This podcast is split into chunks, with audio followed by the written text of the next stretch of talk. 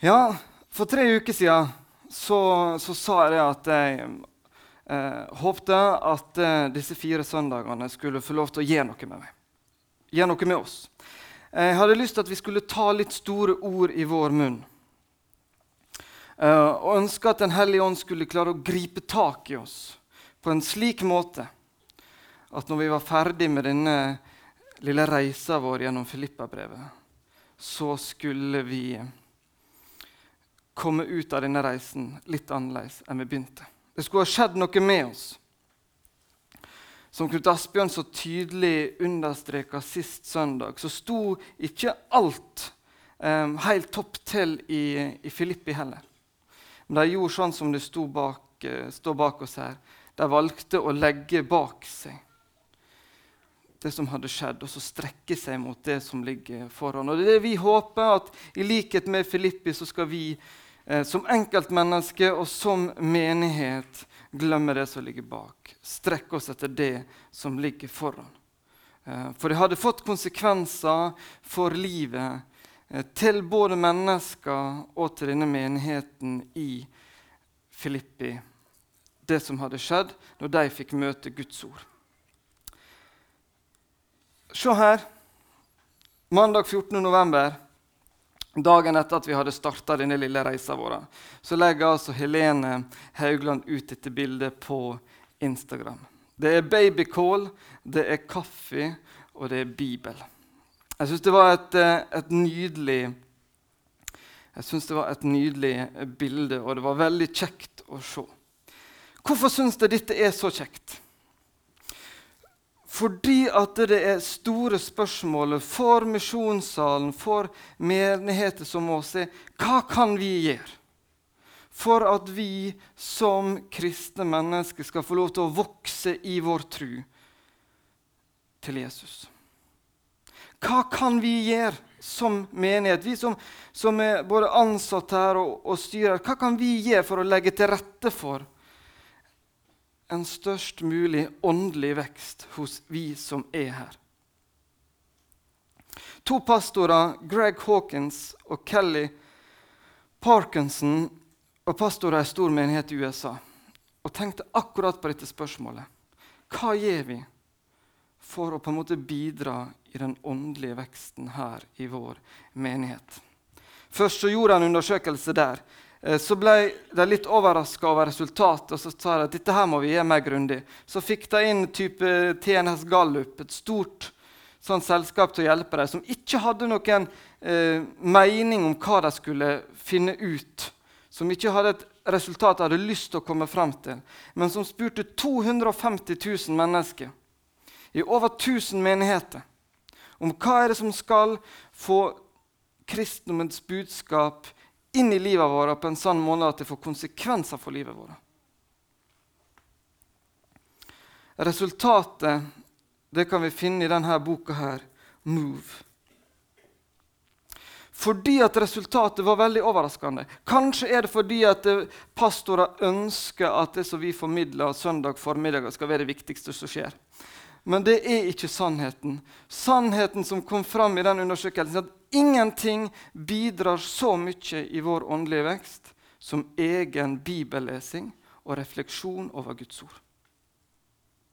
Det var det tydelige resultatet fra denne undersøkelsen. Og Det er noe av grunnen til at vi tar en sånn reise som vi gjorde her med dette Filippa-brevet. Vi ønsker å motivere til å jobbe med disse her tekstene. Få noe her på søndagene, men, men, også bruke tid hjemme til å lese gjennom. Hvis dere husker det Margaret sa for, for 14 dager siden, så sa hun det at hun opplevde det siste året at når hun bruker tid aleine med Bibelen, får stillhet i livet sitt, så ser hun det at å høre ei stemme. Hun merka som at Gud vil fortelle henne noe. Og så sa hun noe mer. Hun sa at i den situasjonen så merka hun at Gud får lov til å påvirke henne. Hun kommer i en, en, situasjon der han kan få lov til å endre liv. Der han kan fortelle henne noe nytt. Hva er det hun, han ønsker å si til henne gjennom ordet? En del av dere som er litt eldre enn Helene, er kanskje ikke så flink til, til, å legge ut dette her på, på sosiale medier. Hva, hva som er, dere har opplevd den siste måneden. Men, eh, men jeg syns også det har vært artig å være innom eh, mine foreldre og, og, sett at hele denne måneden så har kommentaren til Bo Gjerts fra Nytestamentet ligget oppslått i Filippa-brevet. Eh, det har blitt lest, det har blitt studert.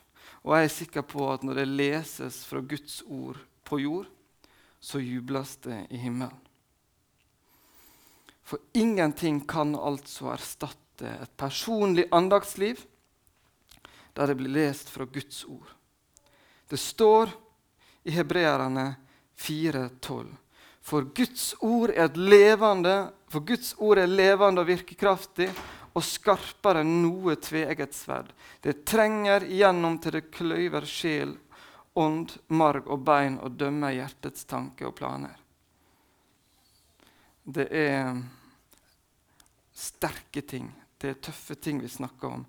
Men Guds ord i møte med vår stillhet, da er det noe veldig spennende som kan skje. Vi skal nå lese sammen de, fire, de sju første versene fra eh, det fjerde kapittelet i Filippabrevet. Derfor, mine søsken, som jeg elsker og lengter etter, min glede og min seierskrans, stå fast i Herren, mine kjære. Jeg formaner deg, Evodia, og deg, Syntyke, kom til enighet i Herren. Og jeg ber også deg, du som med rette heter Synsygos, om å hjelpe disse to, for de har kjempet med meg for evangeliet sammen med Klemens og mine andre medarbeidere, de som har, sitt, de som har navnene sine skrevet i livets bok. Gled dere alltid Herren. Igjen vil jeg si, gled dere. La alle mennesker få merke at dere er vennlige. Herren er nær. Vær ikke bekymret for noe, men legg alt dere har på hjertet, framfor Gud. Be og kall på Han med takk, for Guds fred, som overgår all forstand, skal bevare deres hjerter og tanker i Kristus Jesus.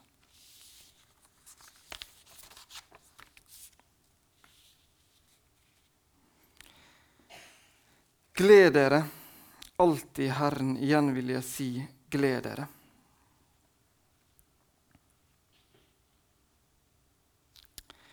Det er ganske sterke ord. Men denne plakaten som, som henger her bak oss, og som vi fikk, eh, som Knut Asbjørn fikk snakka om en del forrige søndag, er et veldig viktig budskap til oss. Og og i teksten vår i dag så går han på en måte mer konkret til verks. Han går rett og slett på navn. Det måtte føles litt utfordrende for disse to personene å oppleve at han nevner dem med navn. Evodia og Syntyke, dere må komme til enighet i Herren.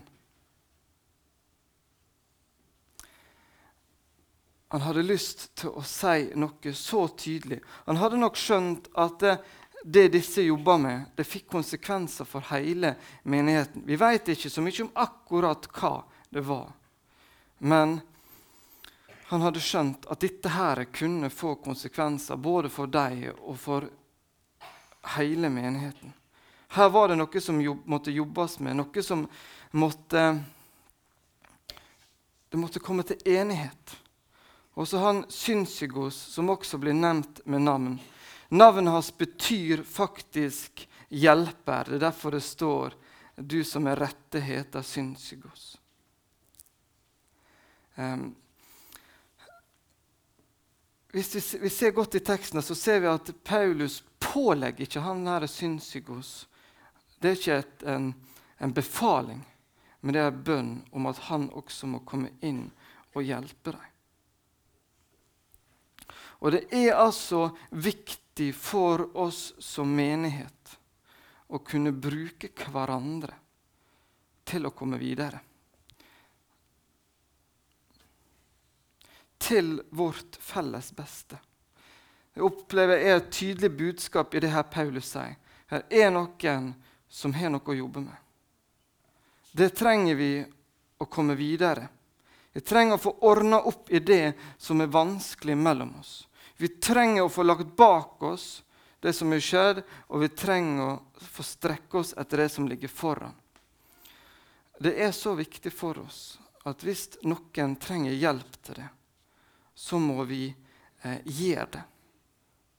Fordi at det er viktig for deg det gjelder, og det er viktig for fellesskapet vårt. Det er ganske tydelig å se hva han vil her.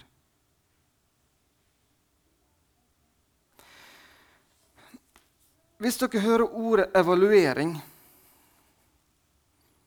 hva, hva følelser kommer fram i, i hodet ditt da? Er det mest frykt? Tenker du, Når du hører ordet evaluering, blir du litt da redd? Eller tenker du at det er noe bra? Eller er det mer en likegyldig tanke? Jeg tror at mange av oss møter det ordet med en, med en viss skepsis og med en viss frykt. Eh, vi er litt redd for at eh, her kan det skje at vi blir veid og vi er funnet for lett. Da gjelder det ikke badevekta. Det kan hende de fleste av oss skulle ha opplevd å bli veid litt lettere. Men, men med livet vårt Når vi hører ordet evaluering, så tenker vi at her er noen som skal, skal teste oss, og kanskje finne at vi ikke er gode nok. Derfor er vi litt redd dette uttrykket. Men jeg tror at det er noe av det som Paulus ville vise litt her i dette avsnittet. Han ville faktisk litt inn og evaluere noe i menigheten. Ikke for å finne noen for lett, men for det beste for disse enkeltmenneskene og for fellesskapet. Eh, I militæret så eh, møtte jeg en, eh, en frimodig sørlending som jeg etter hvert ble ganske god venn med. Han var aktiv i ei pinsemenighet nede på Sørlandet. En dag så ga han meg ei tøff utfordring. Han sa til meg, 'Andreas' Kan ikke du nå si til meg hva du mener er mine tre beste sider og tre dårligste sider? Jeg tenkte at det kan jeg ikke gjøre. Det vil jeg ikke gjøre. Og begynne å på en måte si hva jeg faktisk mener er hans sine dårlige sider, det har jeg ikke lyst til å gjøre. Eh, men vi snakka mer om det, og han lovde at, hvis jeg gjorde det, så skulle han gjøre det tilbake. Men jeg tror at vi fikk et sånt vennskap at eh, det var en trygghet om at han trodde at hvis, hvis jeg gjorde dette her, så skulle det være til hans beste. Ikke trykke han ned, men kanskje kunne få peke på noe som han kunne jobbe med. Så ble det til det beste for han og for oss. Og til slutt, under den lovnaden at han skulle gjøre det mot, altså til samme for meg, så gjorde jeg det. Um, og jeg tror egentlig eh, det ble bra. Jeg tror han opplevde det godt å få eh, at jeg så hans gode sider. Eh, så var det nok litt utfordrende, noe av det som ikke var så godt. Men han fikk noe å jobbe med. Det som var veldig dumt, det var at han tørte ikke å gi det tilbake. Han brøt den lovnaden. Eh, det opplevdes litt vondt.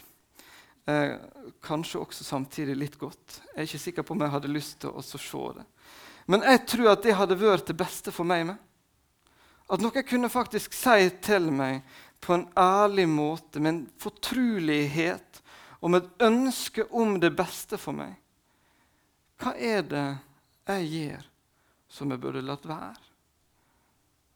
Som jeg burde gjøre annerledes? Kunne endre litt på, ta tak på i mitt liv, som var til beste for meg, for familien min, for ekteskapet vårt, for menigheten vår.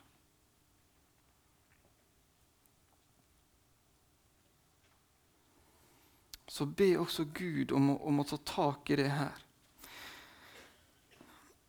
Jeg nevnte i den første talen min Galateren 5.22. Der sto altså disse fruktene, som er frukter av Den hellige ånd. Her står de. Kjærlighet, glede, fred, langmodighet, mildhet, godhet, trofasthet, ydmykhet og avholdenhet. Tenk om vi kunne framstå som en motkultur. For det er ikke dette her som står fram på VG og Dagbladet omtrent tredje hver dag om hvordan skal du kunne få størst mulig formue, flottest mulig kropp, penest bil osv. Tenk om vi kunne jobbe med hverandre og be Guds ånd om å jobbe med oss, ta tak i oss, slik at dette her kunne bli målsetningene våre. At vi kunne få jobbe med å bli mer kjærlige. Jobbe med glede. Jobbe med, med freden vår. Med langmodigheten vår. Med mildheten vår. Med godheten vår med trofastheten, ydmykheten og avholdenheten. Tenk om jeg kunne få se at noen la fram noe sant på nyttårsaften. At nyttårsforsettet 2017 at jeg lar Den hellige ånd få jobbe med meg med målsetning å bli mer kjærlig, god og ydmyk. Det kunne blitt en motkultur som kunne ha veldig positivt eh, positive virkninger både for ditt liv og for vårt liv som menighet.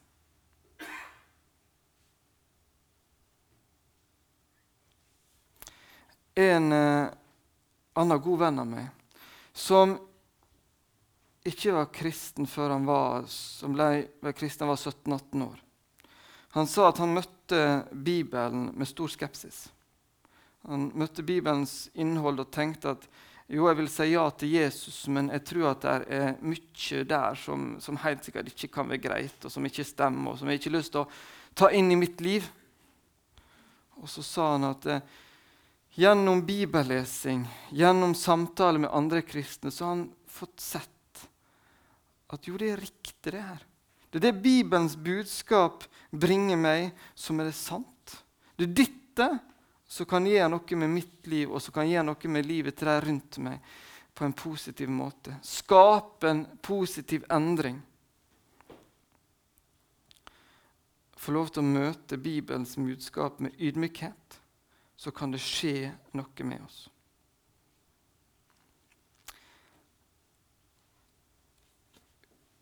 Vi skal gjenta det verset der. Gled dere alltid i Herren. Igjen vil jeg si, gled dere.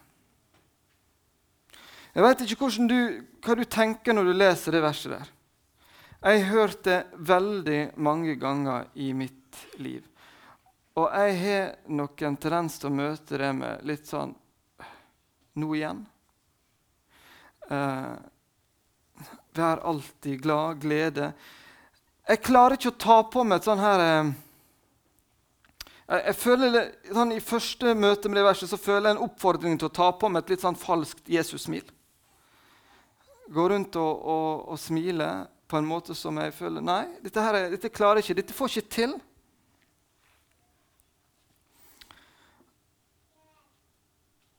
Og så har jeg vel etter hvert kommet fram til at det er ikke det dette her verset sier noe om. Denne gleden som Paulus snakker om, er en annen.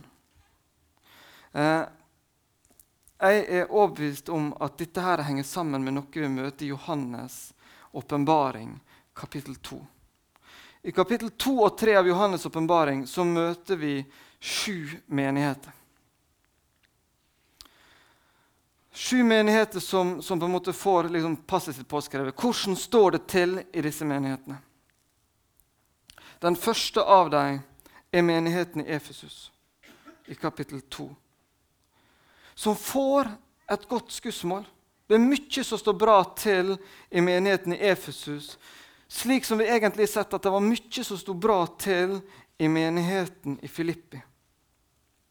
Men det er én ting som ikke er bra i menigheten i Efesus. Og det står at de har forlatt sin første kjærlighet. Hva betyr det? Hva betyr det å ha møtt sin første kjærlighet? Vi husker kanskje mange av oss eh, hva det gjør med oss å være forelska. Der er en første kjærlighet. Hva er denne første kjærligheten? Den kan jobbes med i forhold i ekteskap og, og, og holde varm og ved like. Så sier Bibelen at den må også jobbes med når det gjelder vårt forhold til Jesus. Det å få lov til å ta imot Jesus, det å få se at det Jesus gjorde for meg det skaper en glede i oss. Å få lov til virkelig oppleve en frelsesglede. At nå tar Jesus på seg alt galt jeg har gjort. Og så er det kasta bak hans rygg, og så er det glemt, og så blir det aldri sett mer. Den gleden er det det er snakk om. Og den gleden er det som hadde kulna, blitt kaldere, i Efesus. Og jeg tror det er det samme som er snakk om her i Filipperbrevet. Vi må aldri i vårt iver av andre ting tone ned Jesu frelsesbudskap til oss. Margaret las det så fint her for 14 dager siden. Jesus som ikke så det som et rov å være Gud lik men gav avkall på sitt eget, tok på seg tjenerskikkelse og ble menneskelik da han sto frem som menneske, fornedret han seg selv og ble lydig til døden, ja, døden på korset. Derfor har Gud, derfor har Gud opphøyet han til det høyeste og gitt han navnet over alle navn. Det var det vi fikk lov til å feire i dag i nattverden det Jesus gjorde for oss, det at han har fått lov til å gjort oss fri. Det at han har tatt på seg all vår synd, all vår skyld. Det at han tok på seg en stedfortredende død. Det skal vi få lov til å ligge der som en, som en grunnvoll. Det skal få lov til å ligge der som en djup glede gjennom alt det andre vi snakker om og vi skal jobbe med, så må vi aldri glemme det her budskapet om hva Jesus gjorde for deg og meg. Da blir ikke det et påtatt Jesus-smil. Da blir det en, en, indre glede som ligger der, um, og som gir grobunn for alt det andre vi snakker om. Det er det som gir et utgangspunkt for at vi kan snakke om det uttrykket som også Margaret snakka om, som kan høres litt vanskelig ut, å jobbe på vår frelse. At vi skal komme videre i livet sammen med Kristus. Men la den gleden alltid få lov å være der. Hva Han har gjort for deg og meg. Vers nummer 8 og 9 og avslutninga av kapittelet Eh, det må dere ta og, og lese mer på hjemme. Eh, vi har snakka en del om, eh, om, penger og givertjenester denne høsten, så jeg tenkte at jeg skulle få, tok meg frihet til å hoppe litt fort over. Og så vil jeg bruke de siste minuttene på å oppsummere litt. Oppsummere litt hva vi har jobba med alle disse her fire søndagene. Fordi at jeg nevnte ett ord forrige, den første gangen. Koinonia. Og Det står der eh, som på en måte en, en gjennomgangstone gjennom hele dette brevet. For Filippa-brevet er skrevet til en menighet. Det er skrevet til enkeltmennesker i en menighet. Det er skrevet til forskjellige personer, men de er en del av et fellesskap. Og det er veldig tydelig at Filippa-brevet vil ha fram denne dualismen. At den har noe å komme med til deg. Jesus har et budskap til akkurat deg. Han vil at du skal se inn i hans blikk. At han skal få blikkontakt med deg. At du skal tenke at du er hans øyensten, at ingenting er mer viktig enn akkurat du. Så vil han at det kommer med et budskap til deg som handler om at du må lære han å kjenne. Og ikke bare på den måten at du skal lese og høre, men på en måte at dette her skal få lov til å ta bolig i deg. At det skal få gjøre noe med deg, at du skal få lov til å oppleve hva Jesus gjør i deg, med deg. Men samtidig at vi er i et fellesskap. Og det han vil gjøre med deg, det har betydning for fellesskapet. Vi er et fellesskap som opplever dette sammen. Det som du opplever, har betydning for hele fellesskapet. Han vil at han skal få lov til å øke ditt liv. At du skal få lov til å minke. Og at det også skal skje i vårt fellesskap. At det er Jesus som skal få større og større plass i vårt fellesskap og vi skal få minske. For det er da den han har skapt oss til å være, får blomstre.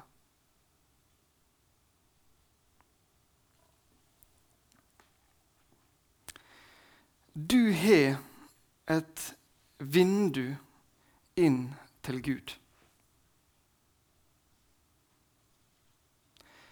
Det du opplever, det du ser, det du lærer i dette vinduet det skal du få lov til å ta til deg. Men vi andre trenger det. For at jeg skal få et større bilde av hvem Gud er, så trenger jeg å vite noe av hva du ser. For det kan hende at noe av det du ser, det ser ikke jeg. Jeg vil si det så sterkt og si at hvis ikke vi er med på å dele med de andre i vår sammenheng hva vi ser i vårt vindu inn til Gud, så begrenser det vårt fellesskap.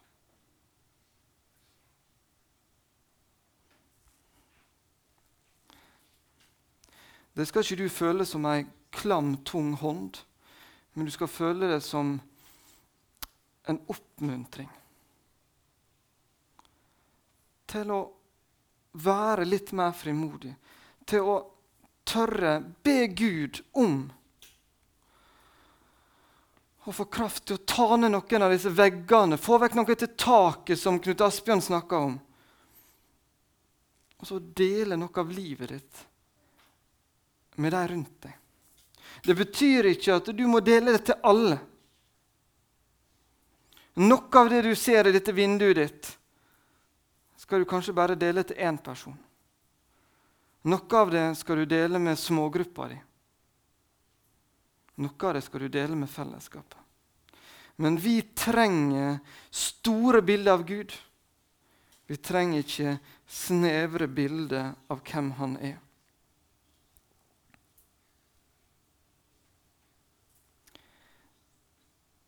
Det er da vi som menighet kan få oppleve hva livet i Kristus er, og at døden faktisk er ei vinning. Kjære Jesus. Takk for at Din Hellige Ånd har vært her sammen med oss akkurat nå. Takk for at eh, Din Ånd ønsker å være sammen med oss hele tida. At Din Ånd har tatt bolig i oss. At det er Jesu Kristi stedfortreder her på jord og vil jobbe med oss. Så ber jeg om at eh, vi får lov til å oppleve det. at du er til stede i oss. At vi får lov til å minke, og at du kan øke. At vi får lyst og motivasjon til å bruke tid med ditt ord. Og At vi får lyst og frimodighet til å dele med hverandre det vi opplever med deg. Sånn at du kan få lov til å bli stor. At livet er Kristus, og at døden er vinning. Amen.